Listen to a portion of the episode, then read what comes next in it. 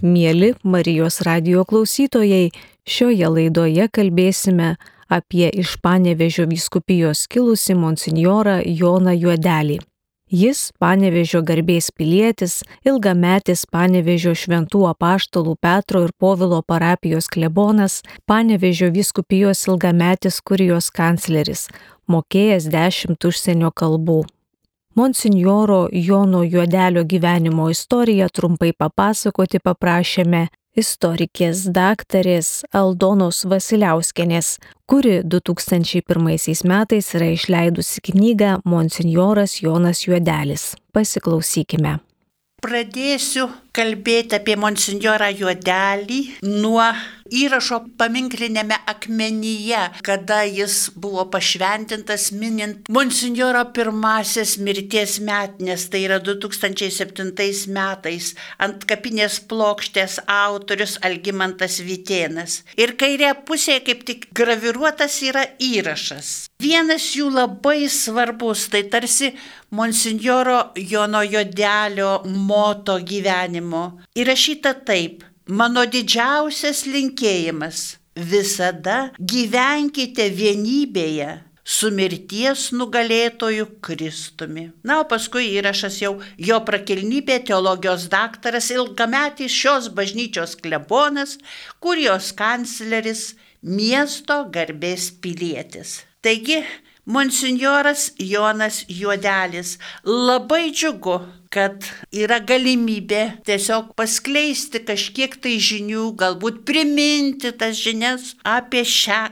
garbę, garsę ir gerai žinomą kadaise asmenybę. Monsignoras Juodelis gimė 1921 metais Liudiškių kaime, taigi Anikščių parapija. Tapęs kunigu visą gyvenimą dirbo Panevežio viskupijoje, išskyrus 1952 55 metus, kada buvo suimtas, aukščiausio teismo 25 metams nuteistas lagerio su turto konfiskacija ir 5 metams be teisių. Taigi visas gyvenimas dirbtas Panvežio viskupijoje. Darbas pradėtas nuo Ramygalos, čia kelis mėnesius dirbo, vėliau porą metų dirbo Kupiškyje, Panvežyje, jau minėjau Sibirą, Tada grįžęs iš lagerio dirbo Šeduvoj ir nuo 1969 metų pusantrų metų dirbo Pandėlyje klebonavo. Vėliau buvo perkeltas į Panvežio šventų apaštalų Petro ir Povilo parapiją ir čia dirbo klebonu daugiau kaip 30 metų. O nuo 2002 metų tapo šios parapijos klebonu emeritu iki mirties. Galima išvardinti visas aštuonias pareigas, ką monsinjoras užėmė savo darbo laiku. Tai jis buvo vicedekanas, tribunolo sinodinis teisėjas, generalvikaro teisėmis viskupijos valdytojas 1982-83 metai. Čia labai svarbus laikotarpis monsinjoro gyvenime. Dirbo kurijos kancleriu, buvo kunigų tarybos konsultoriumi, bažnytinės nuosavybės priežiūros ir remonto komisijos nariu, pastoracinės tarybos nariu, buvo deleguotas į sąžinės laisvės įstatymo parengimo komisiją 1989 metais. Taigi, monsinjoro gyvenimo veikla, darbas šitame tarpe išdėstytas jau paminėtas miestuose ir parapijose ir miesteliuose didesniuose ir mažesniuose. Reikia paminėti, kad monsinjoras gimė, dar kartelį pakartoju, 1921 metais, gegužės 21 dieną. Šeimoje Tėtis buvo Antanas Juodelis, mama Bronislava Karosaitė Juodelienė, taigi viskupo Antano Karoso giminaitė. Ir čia tie giminystės ryšiai labai gražūs ir matyt turėjo didelės dvasinės įtakos ir pačiam busimam monsinjorui. Mokėsi Jonukas Anikščių vienuolino pradžios mokykloje, progimnazijoje, vėliau Panvežio berniukų gimnazijoje ir su Anikščių klebono Juozapo Čepėno rekomendacija arba testimonium studijavo Vytauto didžiojo universiteto teologijos filosofijos fakultete, o 1947-aisiais baigė tarpdecezinę kunigų seminariją Kaune. Apie monsinjorą iš karto noriu priminti ir pasakyti, kad yra gana išsamei ir detaliai gražiai parašyta Anikštėnų biografijų žinynė. Tai galima susieškoti internetu.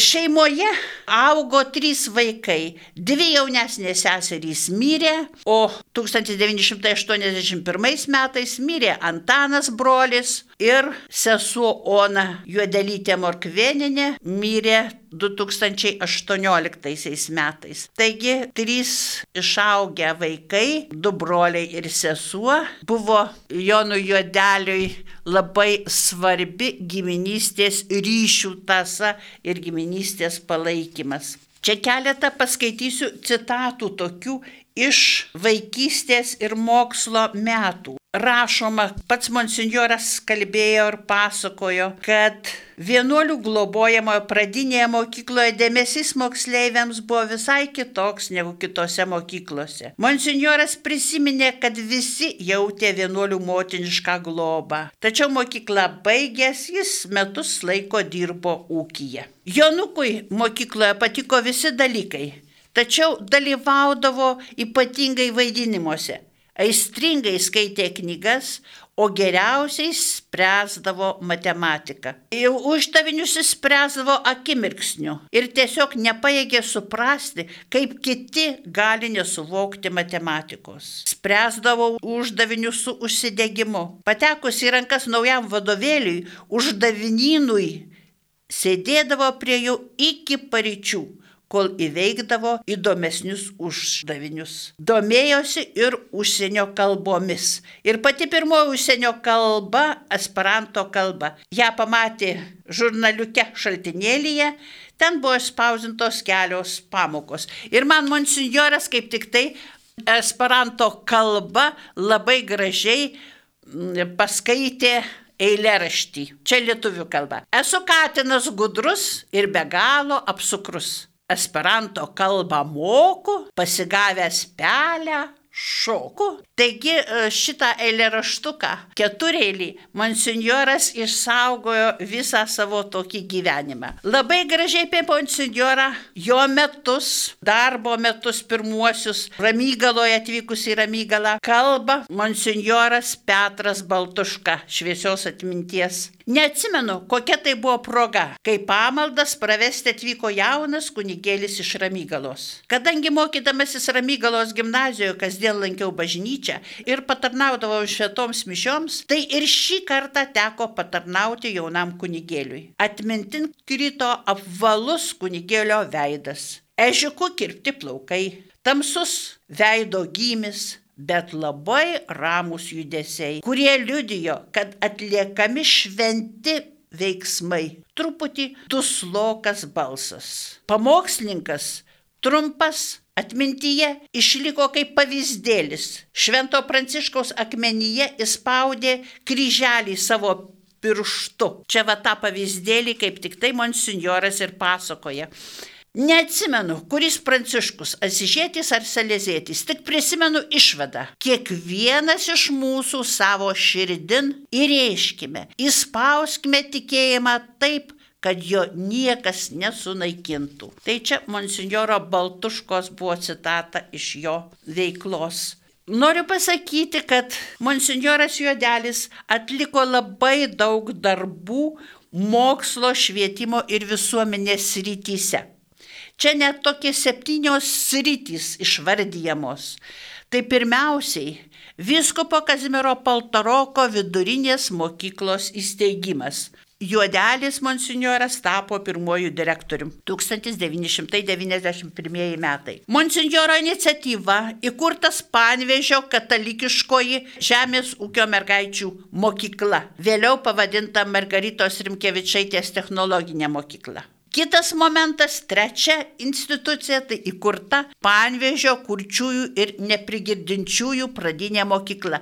Dabar pagrindinė mokykla 1993 metais. Monsignoras Juodelis tapo katalikų mokslo akademijos Panvežio skyriaus įkūrėjų ir jos pirmininku 1992 iki pat mirties 2006 metų. Kalbant apie Katalikų mokslo akademijos Panvežio skyrių, reikia paminėti, kad monsinjoras organizavo daug tokių gražių, kilnių renginių skirtų įvairiems jubiliejams. Kadangi šiais metais mes minime visko po Reinio 140-asis mirties metinas, labai dera priminti, kad Jodelis organizavo daugelį Panvežio viskupijos vietų, parapijų, bažnyčių, mokyklų susitikimus, konferencijas, kurios kaip tik tai buvo minimas mūsų garbus Dievo tarnas archyviskupas Mečislavas Reinys. Jam buvo skirta daug renginių.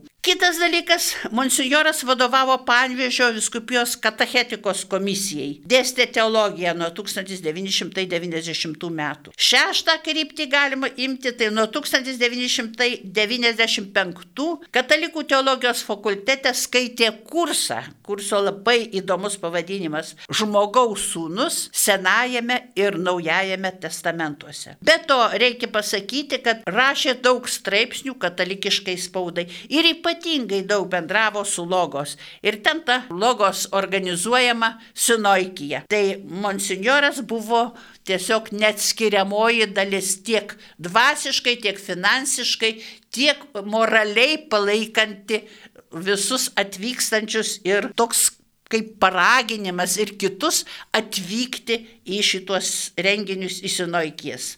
Lankėsi monsinjoras ir užsienį, tai 95 metais rekolekcijas vedė Kanadoje, su Lietuvos kunigais 1996 metais keliavo į Šventąją Žemę. Čia mano knygoje yra labai tokie gražūs prisiminimai parašyti iš tos kelionės, tokie ir daug juokų, bet čia gal kitam kartui atidėti. Dar paminėti reikia, kad lankėsi ir Australijoje 1998 metais. Tai čia pagrindinės šalis, kuriuose monsinjorui teko pabuvoti. Už savo tokią veiklą, didžiulę veiklą, monsinjoras sulaukė apdovanojimų. 1990 metais popiežius Jonas Paulius II jį paskyrė garbės kapelionu. Tai jis yra švento tėvo garbės kapelionas monsinjoras. Na, o pasaulietinė valdžia irgi nešikštėjo dėmesio monsinjorui, kuris buvo visiems kaip švelnumo, gerumo, tokio nuoširdumo įsikūnyjimas. Jam buvo suteiktas nusipelniusio mokslo srityje Panvėžiečio vardas 1997. Jis taip pat išrinktas Panvėžio miesto garbės piliečių. Jo vardu pavadinta gatvė. Jo atminimą saugo ar brandina ar skleidžia atminimui skirtos lentelės. Tai ir prie klebonijos, kurią jis statė Panvežyje ir prie kryžiaus esančio šventoriuje ir kitose tiesiog vietose. Monsignoras e, mokėjo ne tik bendrauti su paprastais žmonėms, su viršininkais, bet mėgo bendrauti ir su atvykusiais užsieniečiais. Jam tai buvo visiškai nesunku, nes jis mokėjo be lietuvių kalbos dar dešimtį kalbų. Tai aš tiesiog noriu išvardinti jas. Tai esperanto, prancūzų, vokiečių, anglų, italų, lotynų, hebrajų, lenkų, rusų, ispanų. Šitomis šiomis kalbomis jis turėjo su savim šventuosius raštus. Ir kiekvieną sik kita kalba skaitė iš šventojo rašto, kad kalbų nepamirštų, kad kalba žinotų. Taigi, monsinjoro labai didelis darbas, sakykime tai, kad Kazimiero Paltoroko iniciatyva buvo paraginti Panvėžio viskupijos kunigai, dekanai rinkti ir surašyti medžiagą apie savo parapiją. Ir šita medžiaga buvo siunčiama į kuriją. Monsinjoras tuo metu buvęs kurijos kancleriu tą medžiagą fiksavo. Ir slapstė į įvairias vietas, kad nedaug dievė saugumas nesugalvotų ateiti, patikrinti ir kažką tai išimti ar sunaikinti. Tai taip, monsinjoro dėka buvo išsaugotos parapijos istorijos ir kada Lietuva tapo nepriklausoma, Katalikų mokslo akademija išleido Panvėžio viskupijos istoriją. Ir šitoj įvadiniai daly, įvadinėme straipsnėje, rengėjai Regina Laukaitytė ir Vytautas Jėgėla rašo, rengėjai savo ruoštų dėkoja jiems talkinusiems asmenims prelatui Juodeliui už pagalbą ieškant originalo ir identifikuojant viskupijos kunigus. Taigi čia didžiulis e, indėlis, kad Panvėžio viskupija turi savo istoriją, yra skirtas monsinjorui Jonui Juodeliui.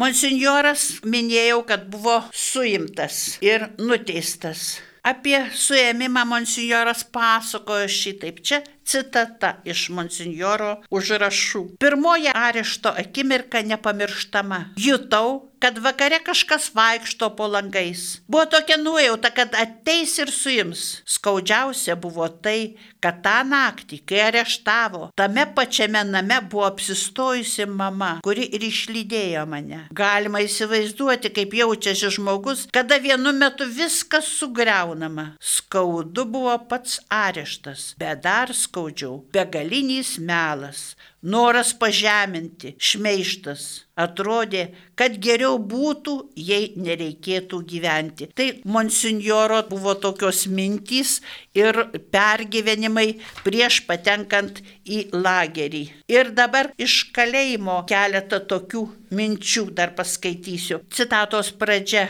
Pasakodamas apie šiuos tragiškus gyvenimo puslapius, nejučiomis prisimenu prancūzų rašytojo Fransako Pe apysaką Geroji kančia. O geroji kančia autoriaus vadinta todėl, kad per ją atrado Dievą. Šios minties teisingumu kalėjime nekartą įsitikinau. Buvome atskirti nuo šeimų, artimųjų, kitų žmonių. Jei vedamas koridoriumi sutikdavau kitą kalinį, sargybinis tučtojo įsprausdavo mane į kampą, kad tik kokius žodžiu nepasikeistume. Beliko bendrauti su tokiais pat likimo nuskriaustaisiais kameros bičiuliais. Visi jie, išskyrus berots tik vieną išimtį, buvo nuoširdžiai tikintys. Net tie, kurie anksčiau religijai buvo abejingi. Niekada neužmiršiu kameros draugo Busilo, matematiko ir teisininko vadovėlio autoriaus.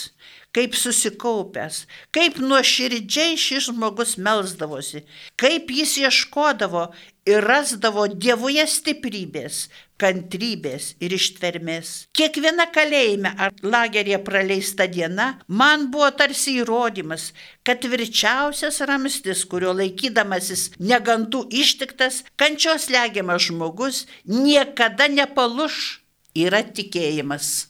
Monsignoras rašė, kad dvasia imtų viešpatauti kūne, būtina nuolatinė kova su savo įdomis. Dar kita mintis - labai svarbu nepasiduoti bendrai nuotaikai, įsiklausyti viltingus Kristaus žodžius. Nebijokite, aš nugalėjau pasaulį. Prisiminkime Maironį, kai skausmas tau širdį suspaus, bėg prie galingos maldos. Esu giliai įsitikinęs, kad tik tikėjimas yra tvirčiausias žmogaus moralinio gyvenimo pamatas. Žmogus, nutraukęs ryšius su Dievu, tarytum nuo šaltinio atkirstas kanalas. Ar tapsime protingesni, paneigę pasaulio išmintį, gėrį ir meilę? Kalbėjo istorikė daktarė Aldona Vasiliauskenė.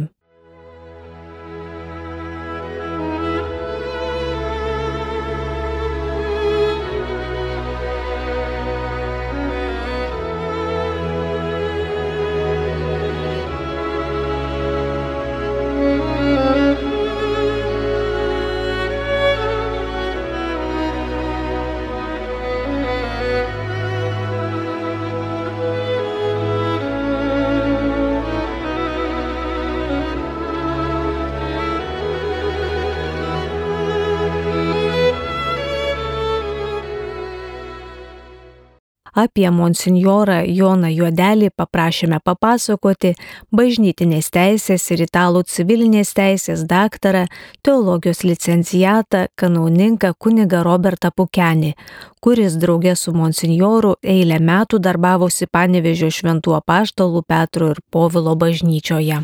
Garbėjas į Kristui. Tai ilgiausiai jums linkėjimai. Kurčiau Dievą, to laimės daugiau.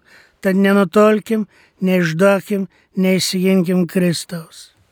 Kadangi šiandien kalbam apie monsinjorą Joną Juodelį, tai norėčiau klausti, kada susipažinot su juo ir koks jis jums tuo metu pasirodė. 1981 metų kovo 25 dieną aš atvykau dirbti į Panevežio Petro ir Povilo bažnyčią kaip vikaras. Ir tą dieną susipažinau. Tai buvo nuostabi man kaip šventė, tiek daug žmonių, palyginant su Krekenava. Taigi niekada ten kaime nebus. Ir po mišių jis įsivedė mane pasivaikščiot, pasikalbėti. Tai tie bruožai, kuriuos paliko pirmą vakarą ir išliko visą gyvenimą. Pirmiausia, jis norėjo, kad tiek pats, tiek kiti kunigai varytų gilę, pozityvę vagą, tarnautų žmonėms. Tai matai, kiek čia daug žmonių. Žiūrėk, būk atsargus, neužkliukai kam, nes paskui neteksi šitų žmonių, sėdėsi kaime. Jis jau buvo girdėjęs, kad aš krekenavai neramus buvau tarp būčių, buvau auklėjimas, bet nepasakyčiau, kad labai aštriai. Jis norėjo tikrai gero. Tai man teko su juo išdirbti vienoj parapijai aštuonerius metus, bet vis vien ta pažintis, tie ryšiai pasilieka. Tad taip rezumuojant, kuo jis krito, pasižymėjo. Tai Pirmiausia, dvasingumo. Jis buvo kunigas iš didžios raidės. Pamaldos tekdavo matyti, kaip skaito brevijorių ir vieną kartą įsitarė kažkam. Na, reikia patas valandas pataikyti. Labiau pamaldumas veikia, lengva išlaikyti tą brevijoriaus kalbėjimo ritmą. Tai nebuvo jo pasirodymas, bet tikrai nuoširdžiai išplaukė. Ir tas mums kunigams labai veikia pavyzdingai, efektyviai, kai senyvo amžiaus, garbingo amžiaus nesako, aš čia pavargęs ar laiko neturiu, bet pirmiausia brevijoriai. Ir pasnikaudavo ir švento rašto studijos, sugaudo užsienyje kokius Biblijos pasaulyje atradimus, paskelbė žmonėm, kunigam.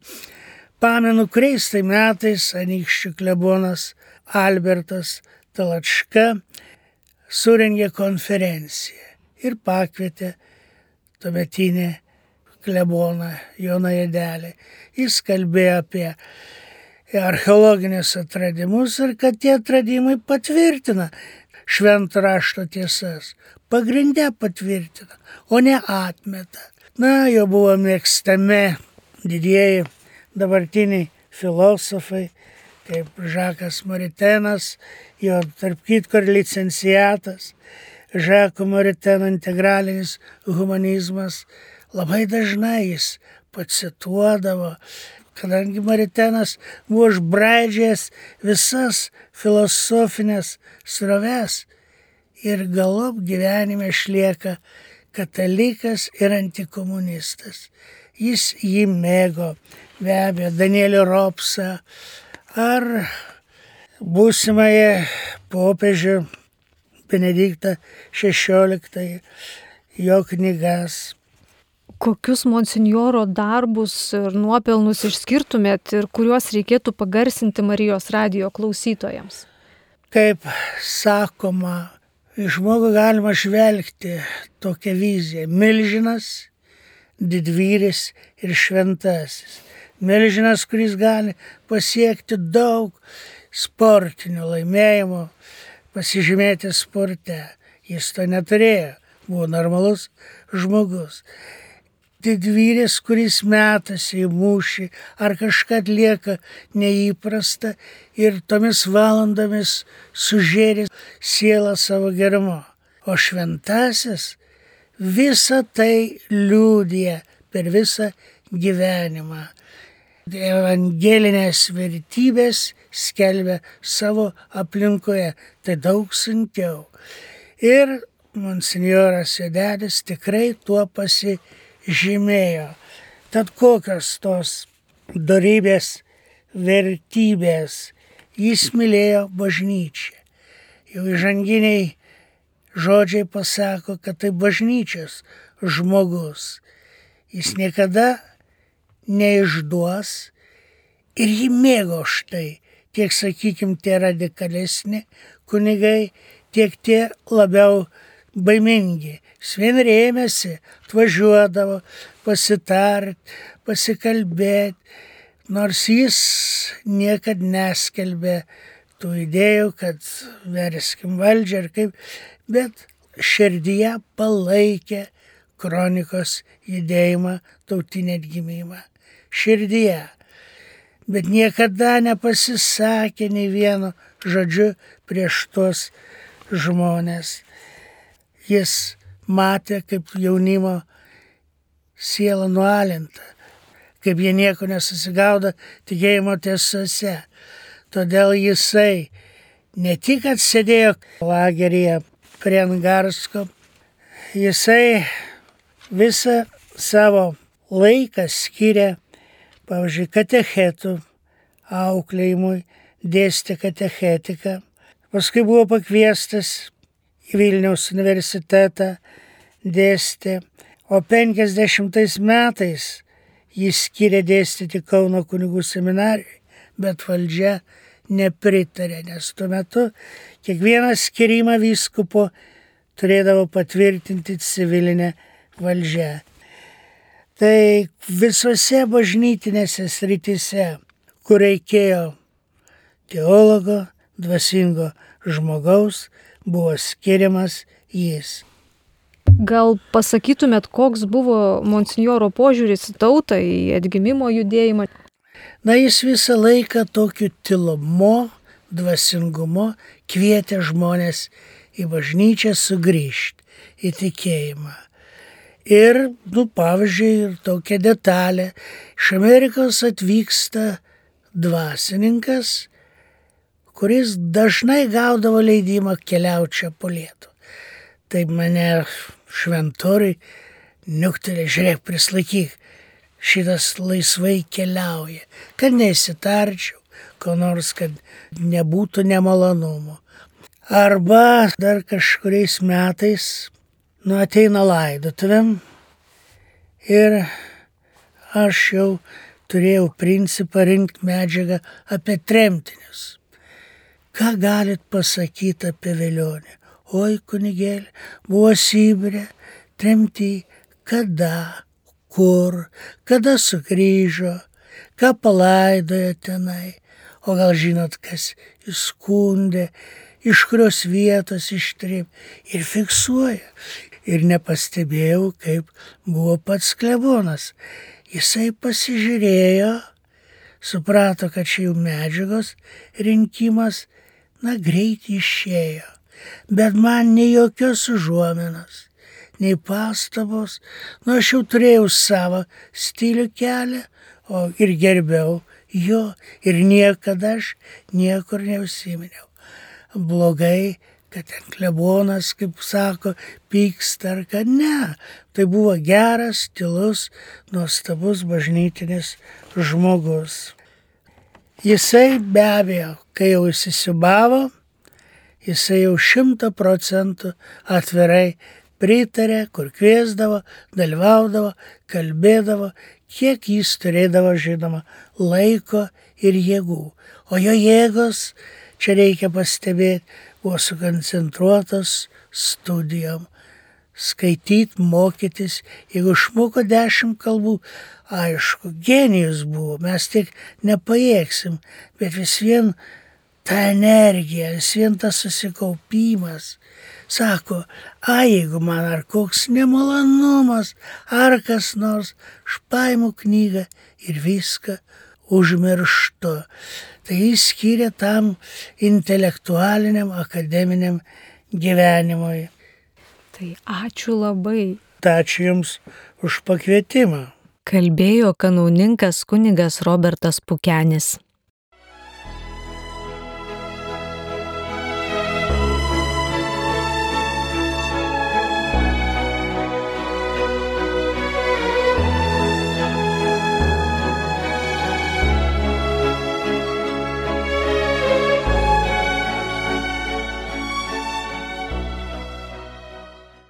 Monsinjorą Joną Juodelį savo gyvenimo kelyje teko sutikti ir dabartiniam Krekenavos švenčiausios mergelės Marijos ėmimo į dangų parapijos klebonui, kunigui daktarui Gediminui Jankūnui. Pasiklausykime, kokie jo prisiminimai.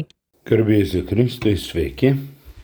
Monsinjorą Joną Juodelį, panevežio garbės pilietį, ilgametį, panevežio švento paštolų Petro ir Povilo parapijos kleboną taipogi Panevežio viskupijos ilgametį kurijos kanclerį, turėjau garbės ir džiaugsmo pažinti ir patirti kaip vieną iš mano asmenybę formavusių žmonių. Šiandien mes kalbam apie influencerius, apie tam tikrus autoritetus, tai monsinjoras Judelis tikrai buvo toks autoritetas mano gyvenime.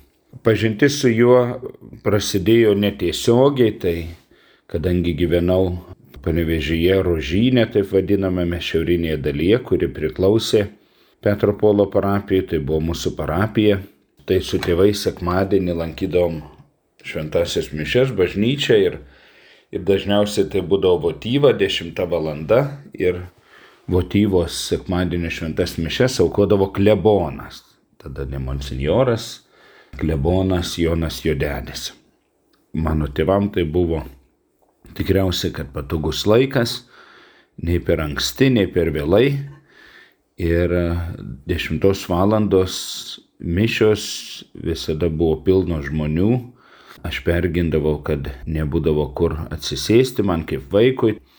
Ir klebonas Jodelis aukoja šventasis mišes.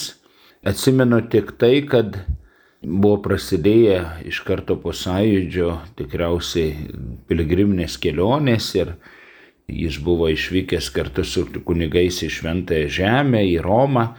Tai įdomu būdavo klausyti, šiaip pamokslų neatsimenu, bet įdomu būdavo klausyti, kaip pasakodavo, kaip keliavo į tuos kraštus, ką ten matė ir tai buvo ne vieno sekmadienio, bet serija tokių pamokslų, kaip kokį serialą žiūrint, klausytis pasakojimų apie mums nepažinius kraštus. Tai žinau, kad, kad mane tai sužavėjo, tos piligrimystės. Vėliau jau šeštoje klasėje, tikriausiai čia bus kokie 90-91 metai, atėjau patarnauti ir pakviestas tuometinio Zakrastijono. Tai to sąryšio tokio tiesioginio su klebono jodeliu nebūdavo, bet visi jautėm jo tokį švelnų buvimą ir tai, kad jis buvo tas galutinis neginčintinas autoritetas. Tai elementarus pagarbumas garbėsiu Kristui per amžius amen ir tada ten tekdavo padėti aprengti, bet kažkokio tokio ar tai pokalbio, ar, ar kažko nebūdavo. Ir ta pažintis buvo supratimas, kad mes esam šalia labai kultūringo ir dvasingo žmogaus, bet tokio, kuris į mūsų kažkokią tai kasdieną nei labai veržiasi, nei, nei kaip nors mums trukdo. Jisai labai buvo taktiškas, labai buvo ramus, niekada nekeldavo balso, niekada, kaip sakyčiau, neatkreipė į save dėmesio, nemėgo kažkokio tai skirtinės ar tai prabangos ar, ar kažko, kas jį atkreiptų dėmesį, buvo tiesiog tokios gintarinės spalvos, nežinau kokia jau ten sveikata, žinau, kad buvo jis dietininkas, ne bet ką valgydavo, bet, bet tokios gražios gintarinės odos. Inteligentiška, žinojom, kad turi daug knygų, kad, kad, kad mėgsta knygas, vėliau jau sužinojau, kad yra teologijos licenciatas, parašęs iš Mariteno filosofijos, Čiako Mariteno ir kad kai notrifikavo laipsnius, kai reikėjo atkurti Vytauto didžiojo universitetą teologijos fakultetą, jam buvo suteiktas daktaro laipsnis, teologijos daktaro laipsnis, kuris, kaip supratau, galėjo jį labai pradžiuginti, nes man yra įteikęs vieną tokią knygą, kurioje prie monsinjoro prirašė ir darai reiškėsi daktaras Jonas Jodelis. Šiaip kaip kalbėtojas nebuvo kaip tai labai toks entuziastingas ar ekspresyvus, labiau man priminė popiežių amžinatilsi Benediktą XVI, kurio klausyti visada kažkaip tai patikdavo, nes tas dėstymas jisai nebuvo ten perteklinių žodžių, nebuvo kažkokių tai ten, kaip vadinkime, kvarbatkų ir buvo tam tikra vidinė logika, kurios buvo sekama ir ir kuri klausėsi. Tai aš sakyčiau, kad prie mano kaip kunigo ir kartu irgi turinčio yra tam tikrų akademinių sąsajų ir, ir teologijos mokslų daktaro laipsnį. Prie šitų siekėmybių irgi prisidėjo monsinjoro Jono Jodelio pavyzdys. Taigi vėl esu dėkingas už aukštosios tos dvasinės kultūros perteikimą ir kai tapau Kirkinaus bazilikos rektoriumi, kadangi čia vyksta didėjai žolinės atlaidai, aštuonias dienas yra kasmėnesiniai mergelės Marijos atlaidai 15 dieną, tai irgi buvo kažkoks toks pavyzdys, kaip reikia priimti kunigus, kad reikia to atvirumo, reikia to dosnumo, reikia to dėmesingumo, ir ypatingai vėlgi tas bendravimas su vyskupu, tai man teko būti ir vyskupo Jono Kaunecko vikaru vienus metus ir, ir paskui pagalba kitiems viskupams, nes vis tiek Kirkinavos bazilikos šventovė yra svarbi kiekvienam paniožio vyskupui, ar tai buvo vyskupas Lionginas Virbalas ar dabartinis vyskupas Linas Vodopjanovas Tai tas bendravimas ir galbūt tokia nebaimė ir, ir noras kažkaip tai padėti viskupam jų tarnystėje irgi iš to pavyzdžio, kurį mums paliko monsinjoras Jonas Jodelis. Tai ir Lietuvos šviesuolis, ir Panevežio krašto, ir kartu e, Lietuvos bažnyčios, katalikų bažnyčios Lietuvoje šviesuolis, kad kuo daugiau atminimo ir, ir pažinties su juo būtų. Tai ačiū ir iki malonaus kalbėjo Krekenavos bazilikos rektorius kunigas daktaras Gediminas Jankūnas.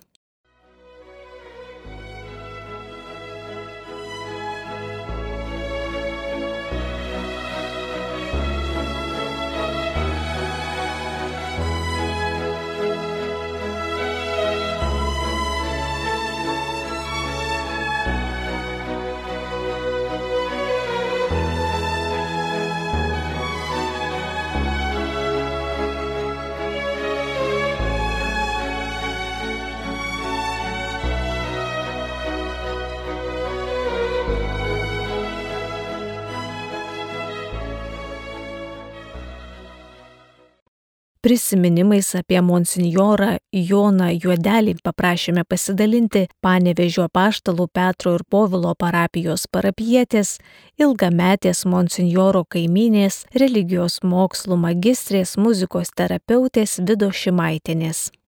Mes susipažinom 1970 metais, jis mirė 2006 metais, tai visą tą laikotarpį mus lydėjo tokia ilga, graži, pagarbi ir draugystė, ir ta pati tarnystė, tas parapijos tam tikrą prasme gyvenimas ir savitarpio supratimas ir pagalba. Tai dabar tie 1970-ieji. Monsignoras atkeltas į Panevežį iš Pandėlio, mes jau girdėjom tokius atsiliepimus, kad tai labai geras žmogus ir laukiam.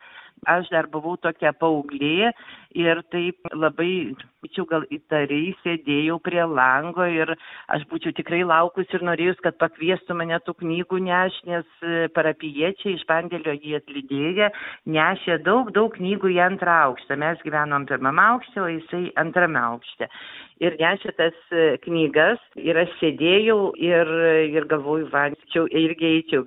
Jis tiesiog draugiškai dirbo savo darbą ir vėliau, kada jau išleido pandėliečius, jis atėjo pas mus pasisveikinti ir prisistatyti ir kaip mes gyvensim. Tai man tas pirmas įspūdis ir buvo tokio saikingo, nuosaikaus žmogaus, jam tada buvo apie 50 metų ir tai buvo daug knygų, kur vėliau ir mes daug kalbėdavom apie knygas daug bet saikingai. Pas jį niekad nebuvo jokio postumio, jokios prievartos. Jis visada išklausydavo, būdavo klausimas toks bereikšmis, jis tiesiog patilėdavo ir jau suprasdavai, kad, nu, gal geriau apie tai nebekalbėti. Na ir kągi, mes tada susipažinom ir jis žinojo, kad e, mama buvo pardavusi antrą aukštą dėl to, kad anksti tapo našlė ir tiesiog manim rūpinosi, kad mane išleistų į mokslus, kad tų pajamų būtų.